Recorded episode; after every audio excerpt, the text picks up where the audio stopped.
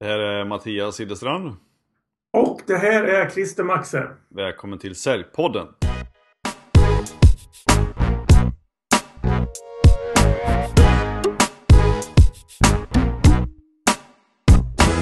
Okej Christer, det här är ju början på 2016 kan man väl säga. Det har ju snart gått hela januari. Mm. Ehm, och det var ju några månader sedan nu som vi körde sista avsnittet. Och vi har ju kommit överens om att vi ska göra lite annorlunda här framöver. Och det kommer väl lyssnarna få, få reda på lite mer sen. Men det kommer ju blandas med lite intervjuer också. Ja, precis. Eh, och det tycker jag själv ska bli lite spännande för att det finns ju rätt mycket andra människor som också har massa kloka inlägg i eh, det här med försäljning och marknadsföring och, och copy och eh, kundhantering och sådana saker. Du menar att, att det finns mer än du och jag som kan grejer, eller? Alltså det kan ju låta helt otroligt men eh, Ja, det, jag har hört att det finns det det. låter helt sjukt, men det kanske är så. Ja. Eh, men du, hur har du haft det sen sist då? Eh, eh, jag har haft det bra, tycker jag. Eh, på de, Du har börjat ett nytt eh, uppdrag eller kan man säga? Eller du har börjat jobba lite hårdare med, med vissa... Ja, det är några kunder som jag jobbar mer intensivt med. Kan man säga. Mm. Ja, det har jag gjort. Um, vilka det är, är, det är ointressant för folk att veta. Men, men eh, jo, så är det. Jag jobbar mer... Jag har börjat jobba lite annorlunda. Mm. På det sättet att jag säljer inte längre... Jag säljer aldrig timmar längre. Liksom. Utan i så fall säljer jag end, endast projekt eller så säljer jag dagar. Okej. Eh, vilket funkar mycket bättre. Både för mig och för, för kunderna. Hur har du lagt upp det då? Ja, till jag vet ju ungefär hur lång tid saker och ting tar. Så att om vi har en kampanj till exempel för en kund. Så säger jag, ja men den här kampanjen kommer att ta tre eller fyra dagar att göra och då kommer jag sitta hos er. Ja. Och så får ni betala för de tre, fyra dagarna istället för att ni betalar för kampanjen. Ja. Och då säger de flesta, ja men vad bra, det blir ju schysst liksom. Så att eh, det funkar ganska bra tycker jag. Eh, Hur liksom blir det skillnad för dig rent intäktsmässigt att göra så? Eller är det liksom en, eh, bara en ny affärsmodell som du vill testa? Eller är det liksom... Det, det är en ny affärsmodell som jag vill testa men, men intäktsmässigt så är ju förhoppningen att det ska bli ännu bättre. Mm. Tycker jag. Och, och mer... Det blir lättare att jobba när man är nära kunden än att man... Att jag går på ett möte och så har vi, diskuterar vi någon kampanj och sen ska jag gå hem och fundera på det. Mm. Och så ska, måste jag mejla någon fråga om det dyker upp något eller ringa. Då, det, det krånglar till hela eh, arbetsflödet. Det är mycket enklare om jag sitter eh, i närheten av de personerna som har svar på frågor. Liksom. Mm. Så det tycker jag är toppen. Det blir mer som en konsult som sitter uthyrd på ett ställe och eh, gör jobbet. Exakt. Ja. Och så konsult kan man ju vara lite jobbigare med när det gäller eh, allt möjligt. Jämfört med om du är anställd. Liksom. Jag kan ju ifrågasätta varför gick inte det här ut nu? Mm. Det tar för lång tid att få ut grejerna. Ni behöver få ut grejerna fortare. Varför ligger det här i datorn för? Det här gör ingen nytta. Lite så. Ja, precis. Ja. Mm. Lite jobbig, den där jobbiga jäveln liksom. Vad skönt. Mm, jättekul. det enda man riskerar det är att man åker ut med huvudet före och aldrig kommer tillbaka igen. Men eh, Alltså, så, så, jag brukar inte vara så grisig liksom. Men, men, men man, har en, man, har en annan, man har en annan status kan man väl kalla det för när man är konsult. Och, för då kan man ifrågasätta interna grejer som de gör. Vilket man kanske inte vågar göra eller inte har samma status att kunna göra om man, om man eh, är anställd. Nej. Det där har jag också märkt jättemycket. Jag har ju varit eh, konsult i, vad är det nu, åtta år snart. Mm. Och eh, kommer ut i olika bolag och ser hur deras arbetsprocesser ser ut och vad de gör och vad de säger och så vidare. Och det är så himla mycket lättare och jag kan ju referera till när jag själv var anställd under en tioårsperiod. Att då tyckte man att man, ja men det här funkar bra och det, det är så här man ska göra. Man har ingenting att jämföra med. Men Mm. i och med att man är inne på liksom lite kortare uppdrag eh, så, så hinner man ju se många företags interna processer och kunna ganska snabbt eh, ifrågasätta och se saker med ett utifrån perspektiv. Mm. Så av den anledningen kan man tycka att det är lite synd att man inte har konsulter inne oftare.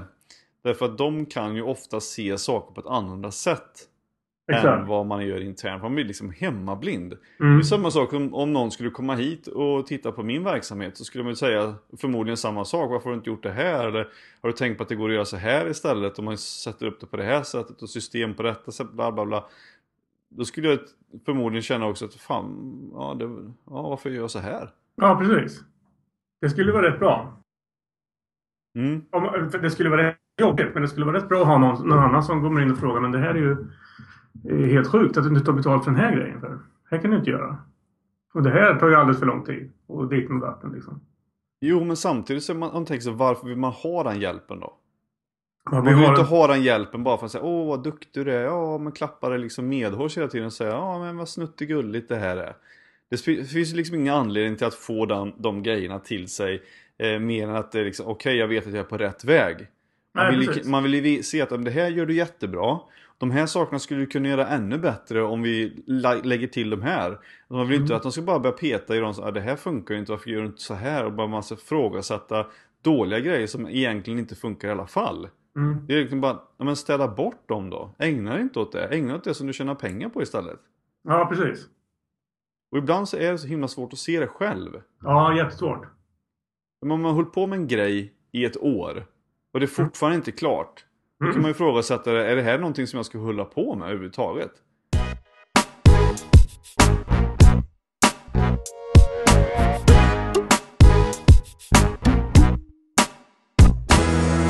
Jag, har en insikt också. Som, Mhm. som jag inte... Som, jo, den har, den har med försäljning att göra också. Den har med, den har med allting att göra egentligen. Både eh, privatliv och affärsliv. Men den, den var ganska intressant. Jag har ju två unga hemma. Mm. Eh, och eh, under en period som var för en, ja, några veckor, för en, ja, någon månad sedan. Så varje gång vi skulle gå och lägga oss så blev det ett jävla liv bara. Mm. De skulle inte lägga sig, de hade inte fått titta tillräckligt mycket, bla bla bla bla bla bla bla bla. bla. Och det här störde jag mig på. Liksom, jag blev så jävla trött varenda gång vi skulle lägga oss med det här. Så då började jag tänka så okej, men vi, jag, ska inte, jag ska inte störa mig på det här. Att det är krångligt varenda gång. Utan jag ska, jag ska försöka tänka annorlunda. Mm. Mm. Problemet med att försöka tänka annorlunda det är att det är jävligt svårt att tänka annorlunda.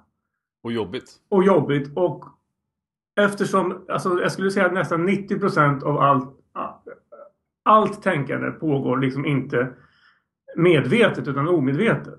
Liksom. Mm. Och man triggas bara igång av olika saker. Mm. Och så en, en, en dag bara så öppnade jag kylskåpet och så fick jag en konstig tanke som var hur, hur kom det här kylskåpet hit?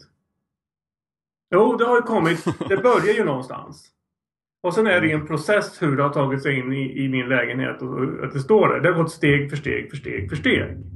Mm. Så då börjar jag tänka om. Oh, tänk om. Tänk om det skulle vara så när vi ska gå och lägga oss på kvällen. Tänk om jag ändrar om jag ändrar processen istället för att försöka ändra mitt tankesätt. Mm. Eh, och då gjorde jag en ganska löjlig grej. Istället för att säga nu ska vi gå och lägga oss. Det finns ju olika varianter man kan göra på det. Men istället för att, gå, att jag sa bara nu är det dags att lägga sig. Så sa jag. Vem vill rida på hästen in till toan och borsta tänderna? Mm. Och båda ungarna skrek jag vill rida på hästen, jag vill rida på hästen. Då Mm. fick jag två ungar på ryggen in till, till, till, eh, till toan istället.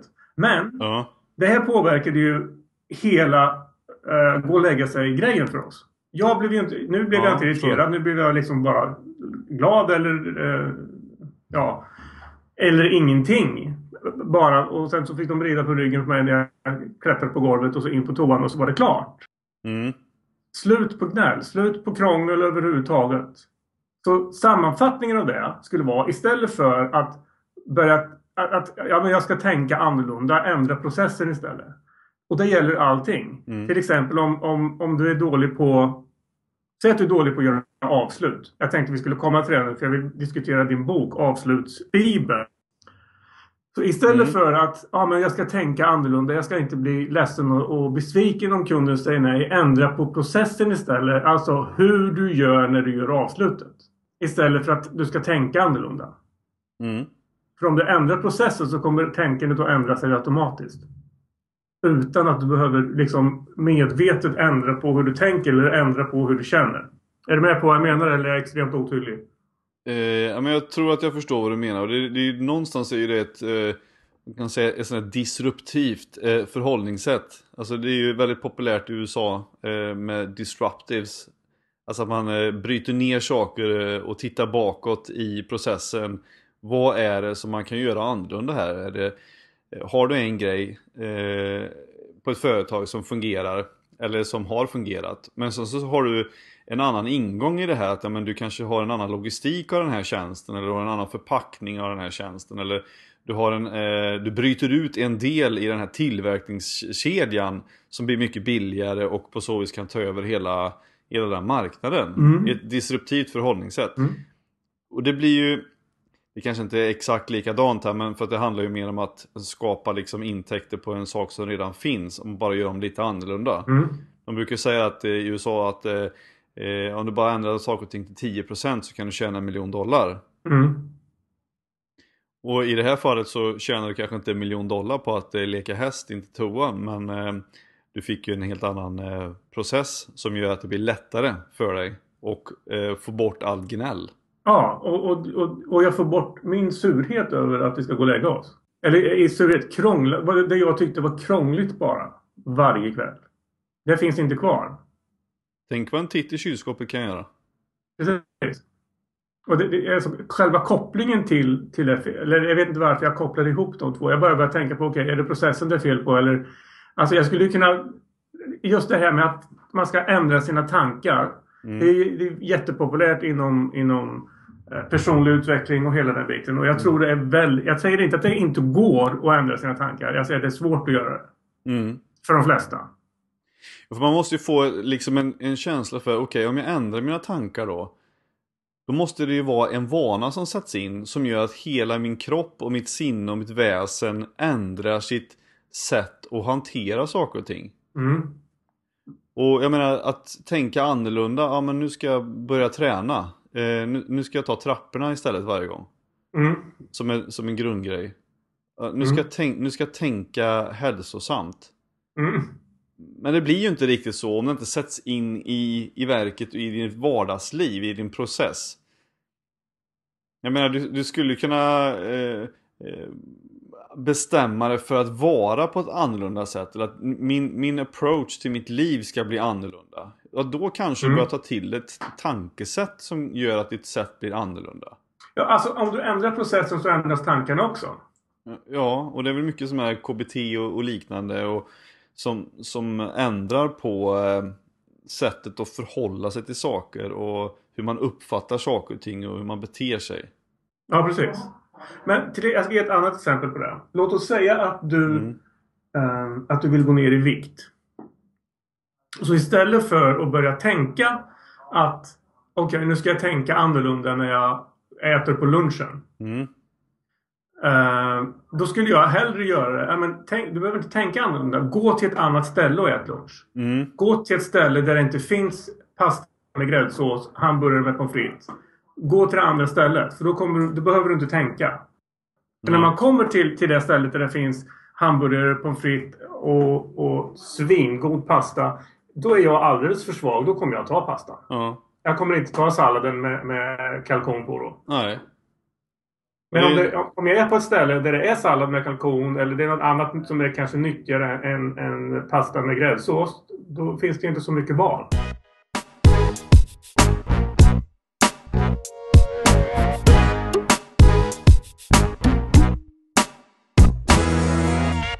Och det är svårt att få människor att göra annorlunda och eh, någonstans så måste ju tanken följa med och jag menar är som pratar mycket om försäljning också att eh, man gör saker och ting på ett visst sätt för att det alltid har varit så eller man har någon har sagt att det är så här som du bör göra eller att man in, någonstans har fått lära sig själv hur det ska vara.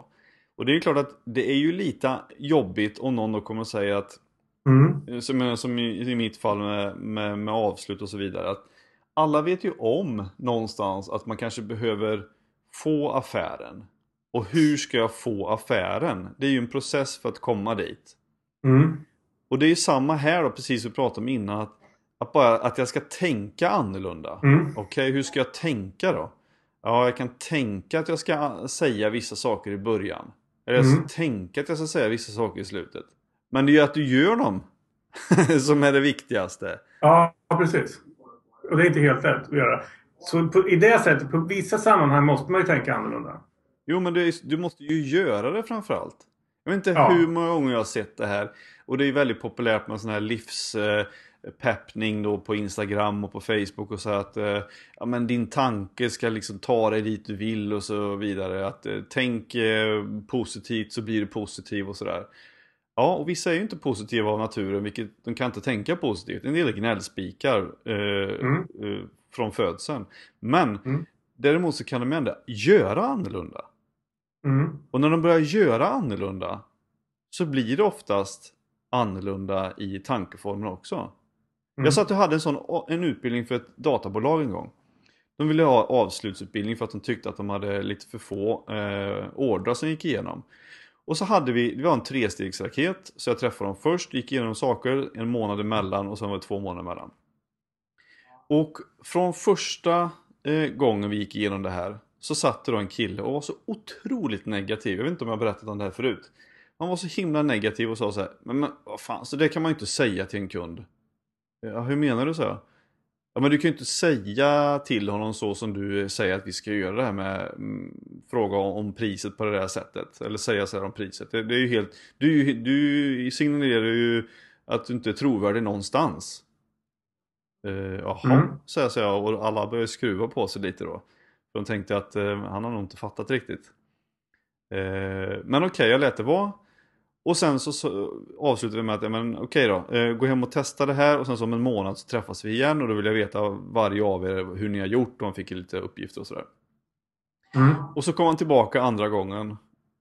Och han hade, då hade jag pratat med försäljningschefen och han hade suttit och, och svurit i bilen hem och sagt att jag var värdelös och eh, inte kunde någonting om försäljning och så vidare. Och så vidare. Eh, men då hade han ändå liksom någonstans ändå tänkt att okej, jag ska prova. Vi får se hur det går, Mm. jag ska prova. Och då hade han provat ett par av de här prisavsluten som vi hade pratat om då. Hur man skulle presentera på ett annorlunda sätt. Mm. Och kommer tillbaka och säger ehm, Jag måste nog be dig om ursäkt. Jaha, sa jag. "Men Vad, vadå? För jag tänkte att nu blir det en sån här jobbig sittning igen. Mm. Ja, jag testade faktiskt eh, lite det där som vi pratade om sist. Jag var otroligt skeptisk. Men eh, ja, faktum är att det funkade faktiskt. Mm. Så att jag måste nog be dig om ursäkt. Ja, ja, fine. Och sen så var ju han den som satt och lyssnade mest då givetvis och tog till sig eh, grejerna. Men det är bara för att han började ändra saker, han började göra någonting. Mm. Inte bara tänka på att han ska göra.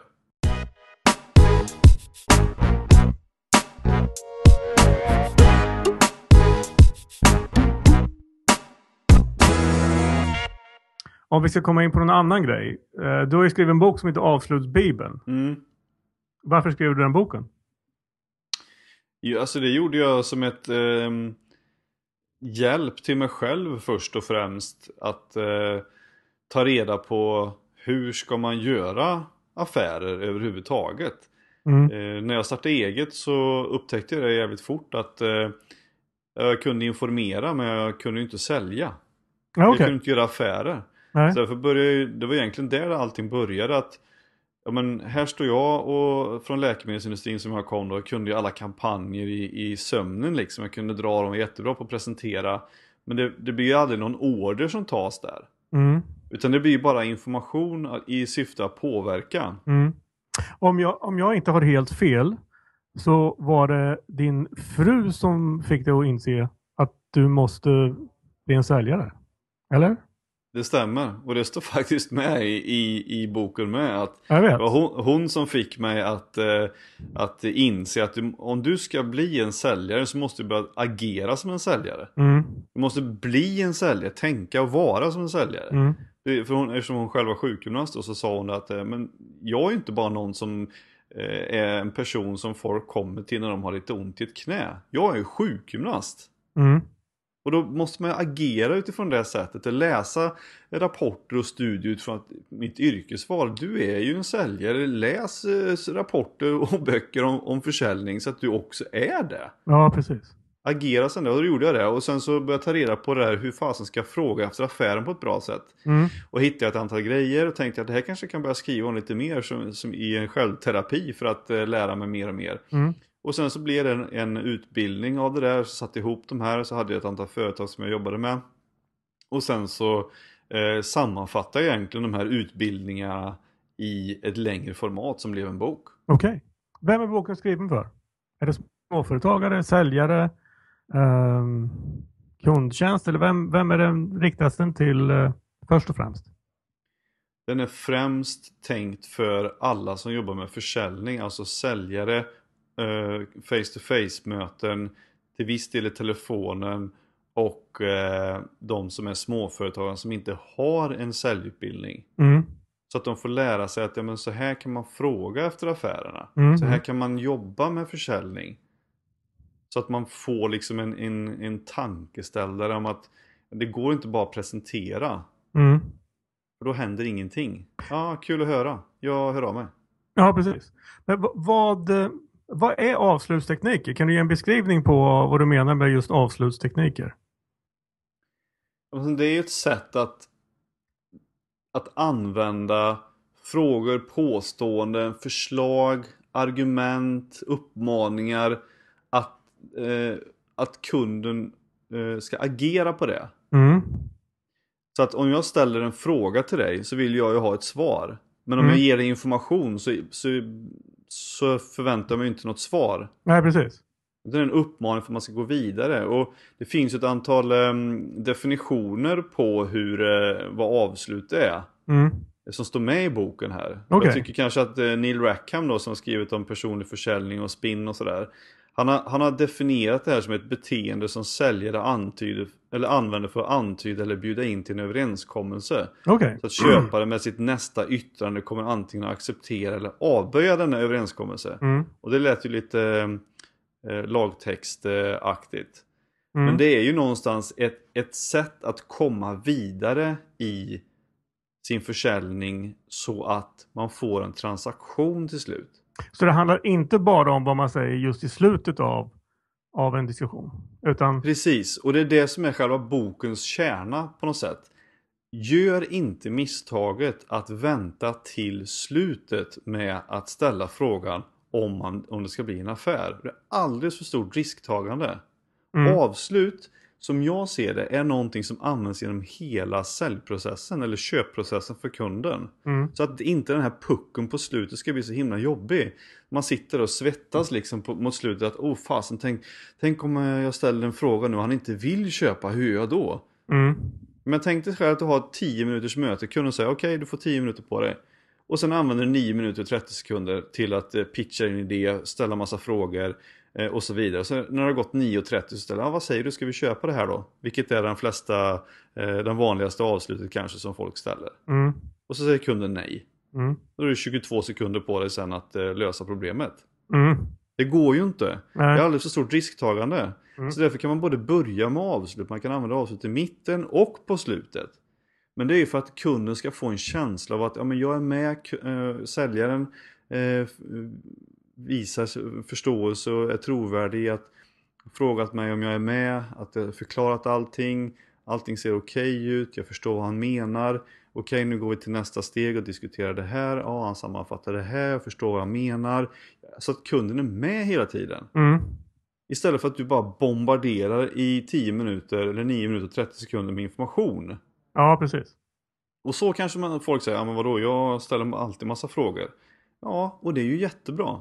För det är inte så att man ska sluta ställa frågor bara för att man ska börja använda avslut. Nej. Men du skriver också om kundbehov och köpsignaler. Hur hittar man kundernas behov? Har du några bra tips på det? Ja men det är ju jättemycket i att eh, ställa rätt frågor givetvis.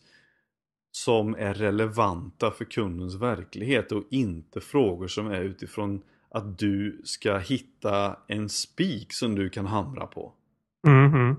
För det är ju ett jättevanligt, jag har ju gått massor med säljutbildningar som anställd. Jättevanligt att man bara försöker att ställa massa ledande frågor som ska syfta till att kunden måste ha just min produkt. Mm. Men det är ju ett väldigt oärligt uppsåt hela tiden. Mm. Om jag ställer en fråga till dig, vad är det du behöver eh, för att eh, kunna lägga dina ungar på ett lättare sätt? Jag behöver ha ett nytt kylskåp. Mm. Okej, men jag säljer inga kylskåp. Då ska ju inte du vara kund till mig. Men om jag hela tiden försöker hitta massa andra frågor. Ja, ah, men är det inte så här istället? Är det inte så som, det, som du behöver göra? Jag ser ett problem med det här. och, och dra dig liksom bort från ditt kylskåp hela tiden. Mm. Eh, Till någonting helt annat som du känner, fan det här känns inte bra alls. Nej, precis. Då blir det ju så mycket svårare. Man måste vara ärlig i sitt uppsåt och ta reda på hur kan jag hjälpa dig? Mm. Att man, man känner sig manipulerad om någon, om någon liksom försöker dra bort en från det, man, det behovet man vill ha. Eller det behovet man har. Ja, men om du tänker dig själv, du säljer på ett visst sätt till dina kunder. Och de, de som lyssnar på det här säljer till ett visst sätt till sina kunder. Mm. Men om du, om jag då, som också håller på med säljutbildning och säljer saker själv. Om jag träffar en säljare som kommer till mitt företag till exempel och ska sälja någonting. Och så börjar jag märka hur han använder sin säljteknik på mig. Mm. Då, då ser jag, men du säljer ju precis på samma sätt som jag säljer till mina kunder. Jag ser ju vad som komma skall.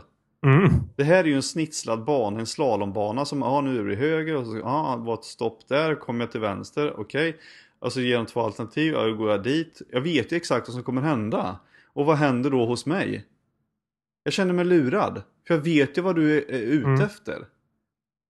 Mm. Och det är det som är liksom problemet med försäljning överlag. Vi är så himla intresserade av att sälja våra egna grejer mer än att vi har eh, kundens problem i fokus.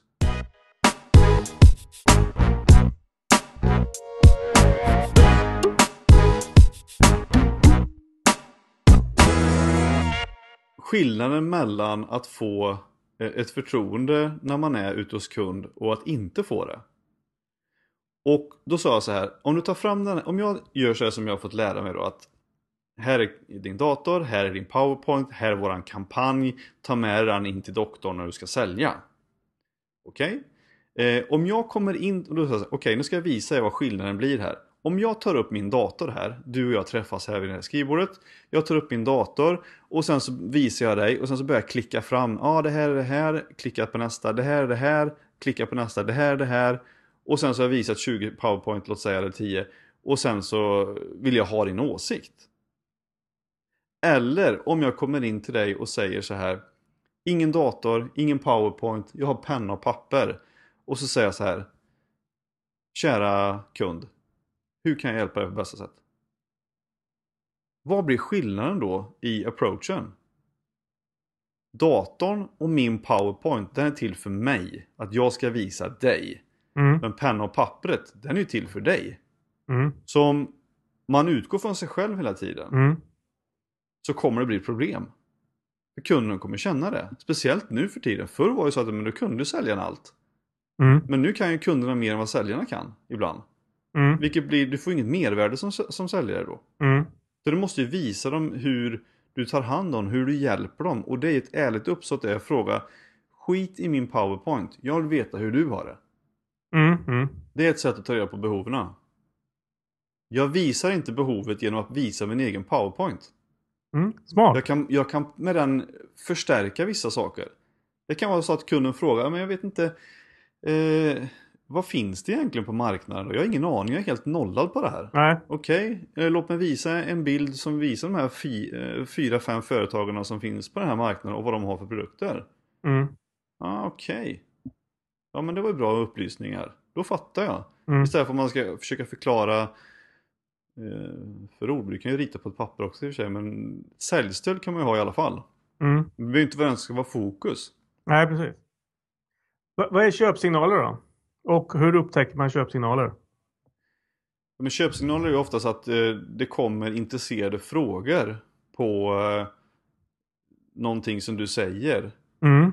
Om jag säger att eh, ja, förra veckan så installerade vi en sån här eh, på Volvo. Jaha, gjorde ni det på Volvo? Men hur, vad använder de för modell då? Mm. Ja, men det var en sån här. Aha, intressant. Ja, men det är en sån som vi har haft eller som vi har tänkt på tidigare. Mm. Jag börjar liksom lyssna efter köpsignaler. Det är ju en tydlig sån grej. Att, att man visar intresse för det du säger. Ja, precis.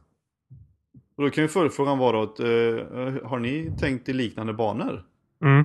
Ja, absolut. Ja, så helt plötsligt har du hittat en köpsignal. Mm. Det kan vara allt möjligt. Det kan vara att man ställer, ställer frågor, ställer följdfrågor, vill veta mer, ber om en broschyr, ber om en de här bilderna som du visar? Eh, har du något dokument jag kan ta med mig? Eh, hur gör ni med de här sakerna? Finns det flera av de här? Massa sådana här frågor som kommer tillbaka som visar ett intresse. Mm. Då börjar de liksom ändå leta, här kanske kan vara något för mig. Ja, precis. Och det gäller ju att lyssna efter köpsignaler. För det kan ju vara, en, en del har jag märkt, de är så upptagna med vad de ska säga så de missar köpsignalerna helt.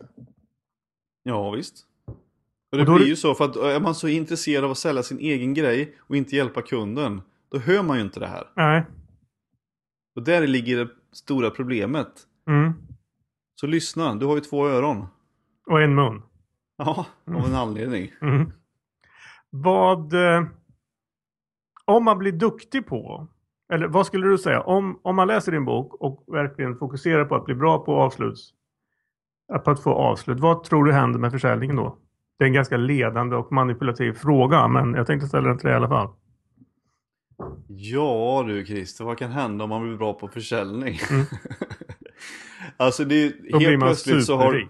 Ja, det kan det ju definitivt bli. Mm. Eh, det kommer ju definitivt gå mycket bättre för om du vet hur du ska fråga efter affärerna i olika kundsituationer. Mm. Jag menar, det kan ju vara så att eh, det är en tredje part som säger till ah, men jag måste fråga min fru först. Eller att ah, jag ska vänta lite med det här. Eller ah, jag kan inte ta ett beslut nu. Men om du Mm. vet hur du ska hantera de sakerna Mm. och du sitter i din nästa anställningsintervju och så säger din eh, arbets, för blivande då kanske arbetsgivare Ja men vad är det som gör dig så speciell då inom försäljning? Hur hanterar du det här? Ja, jag kan ungefär hundra sätt att fråga efter affären. Mm. Okej, använder du dem då? Jag kan allihop och jag har använt allihop. Mm. Men vilket företag vill inte ha en person som kan göra affärer? Nej, precis. Det är ju liksom den mest eftersökta egenskapen som folk besitter. Mm. Jag kan göra affärer för jag kan veta, veta hur man pratar med folk.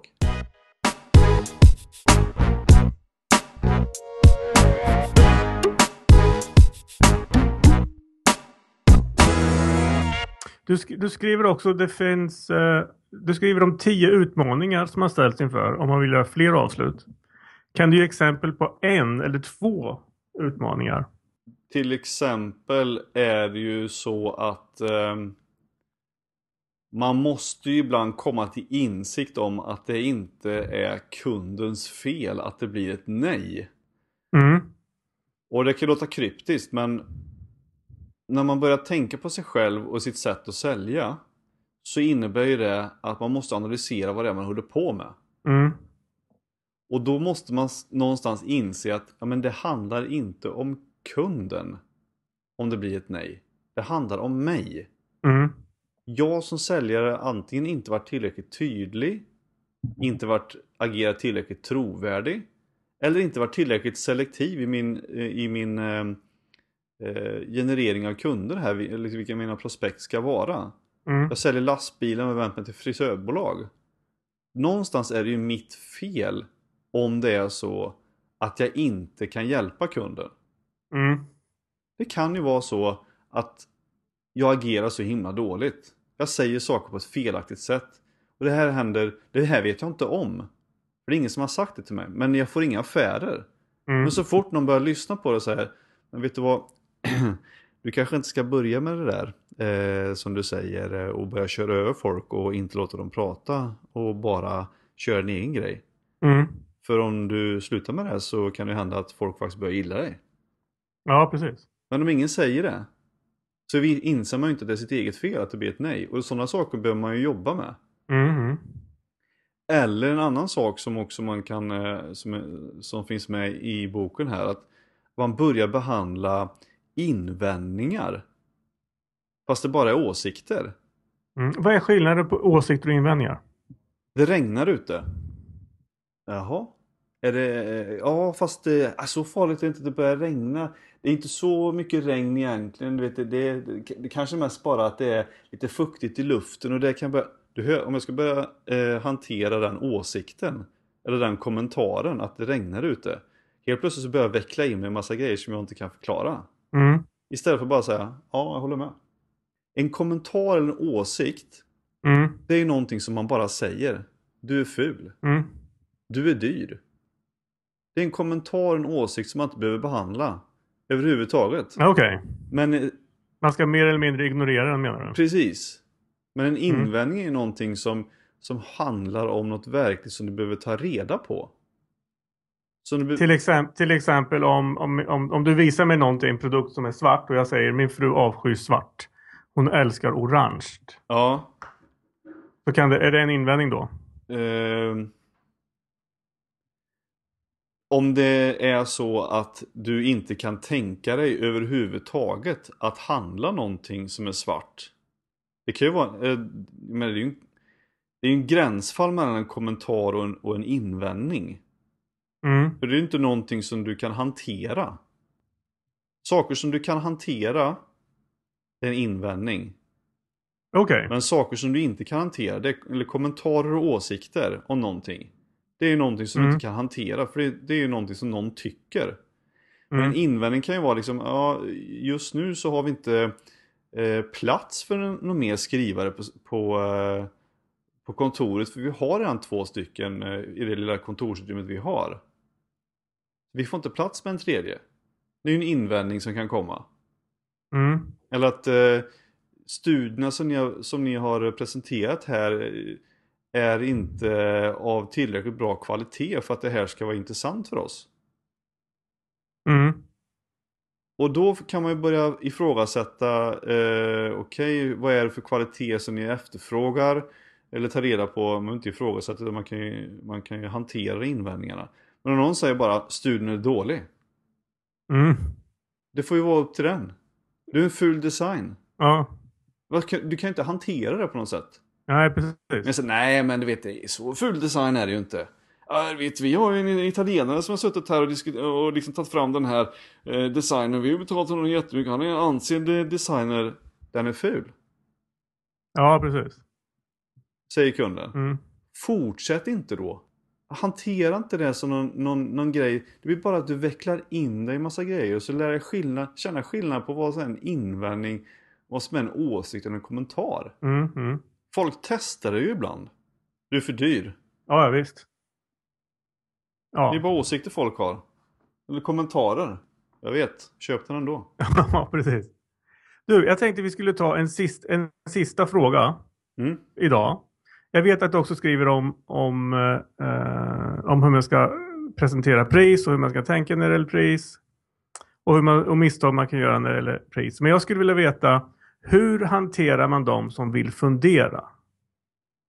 Jag ska fundera på det där. Du får ringa mig nästa vecka. Jag ska ta en funderare får vi se. Ja. Jag vill veta direkt, vad är det som de vill fundera på? Mm.